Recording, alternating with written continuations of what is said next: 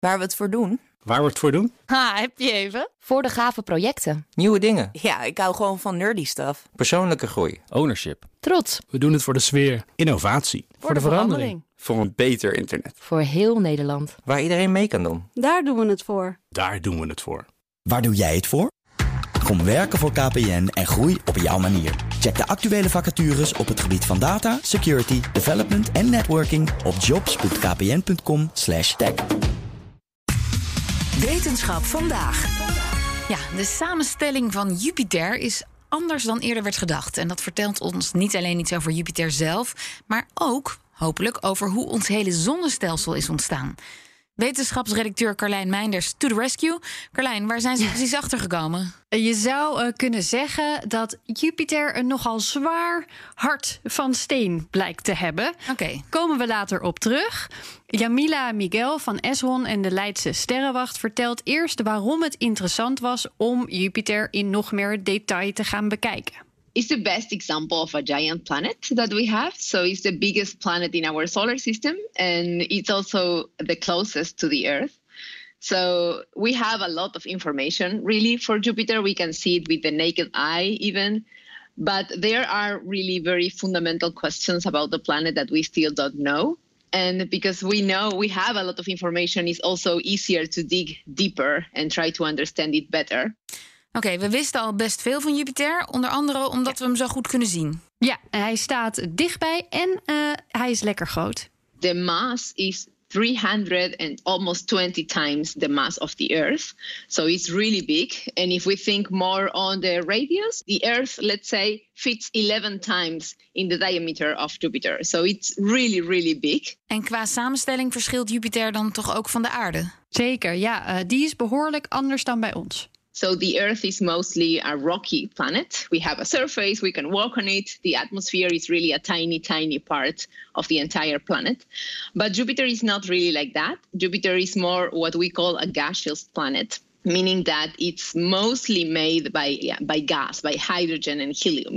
Uh, the composition is closer to to our sun, uh, really, than to our uh, own planet. Oké, okay, veel gas dus. Dat betekent dan ook dat je niet echt iets op die planeet kunt laten landen. Klopt, ja. Uh, het zijn dus vooral gaswolken. Je kunt er niet op lopen of op landen, inderdaad. Dus wat dat betreft is het lastiger om onderzoek te doen.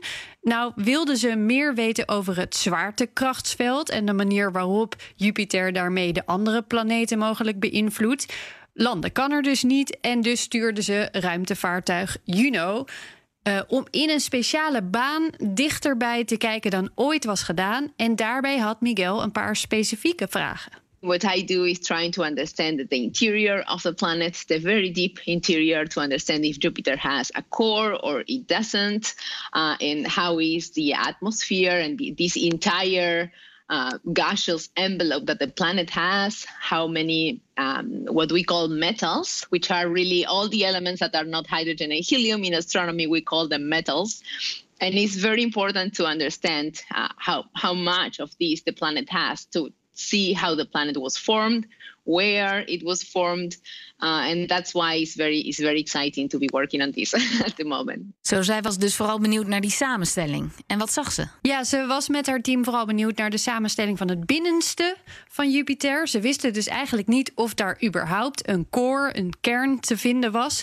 En ze wilde meer weten over de gaswolken en hoeveel metalen daar dan in zaten. En met de data van Juno konden ze allemaal hele mooie modellen maken. En daar kwamen de antwoorden uit die ze zochten. what we find is that there is a quite large amount of metals uh, in the interior of the planet. I mean, of course, the planet is mostly hydrogen and helium, but it still has approximately 30 Earth masses in, in these metals in the interior, which is quite a lot. Uh, and we are also finding that it's not everything is not homogeneously mixed as we thought before. Dus het antwoord is ja, Jupiter heeft een hart. Ja, een, uh, een hart van steen zou je bijna zeggen. Dat 30 keer dus de massa van de aarde is. Alleen die kern al. En hoe dichter je bij de buitenkant van de planeet komt, hoe meer verwaterd de samenstelling is, hoe minder metalen je dus vindt. Er was uh, nog discussie over of Jupiter was ontstaan dankzij grote ruimterotsen of veel kleinere steentjes. Nou, dat weten we nu ook. Grote blokken moeten wel een rol hebben gespeeld. En waarom zijn al deze dingen nou belangrijk om te weten? Het zegt niet alleen iets over Jupiter, waarschijnlijk een van de eerste planeten die in ons zonnestelsel is ontstaan, mogelijk zelfs onmisbaar van invloed op het hebben van water op aarde.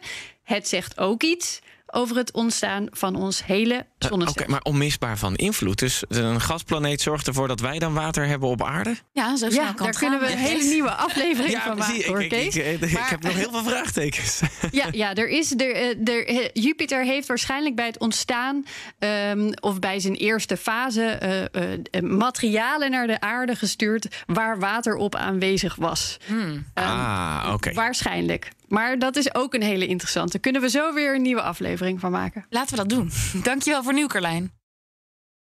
Ook Harm Edens vind je in de BNR-app. Je kunt BNR Duurzaam niet alleen live luisteren in de app, maar ook terugluisteren als podcast, zoals al onze podcasts. En naast dat de BNR-app Breaking News meldt, houden we je ook op de hoogte van het laatste zakelijke nieuws. Download nu de gratis BNR-app en blijf scherp.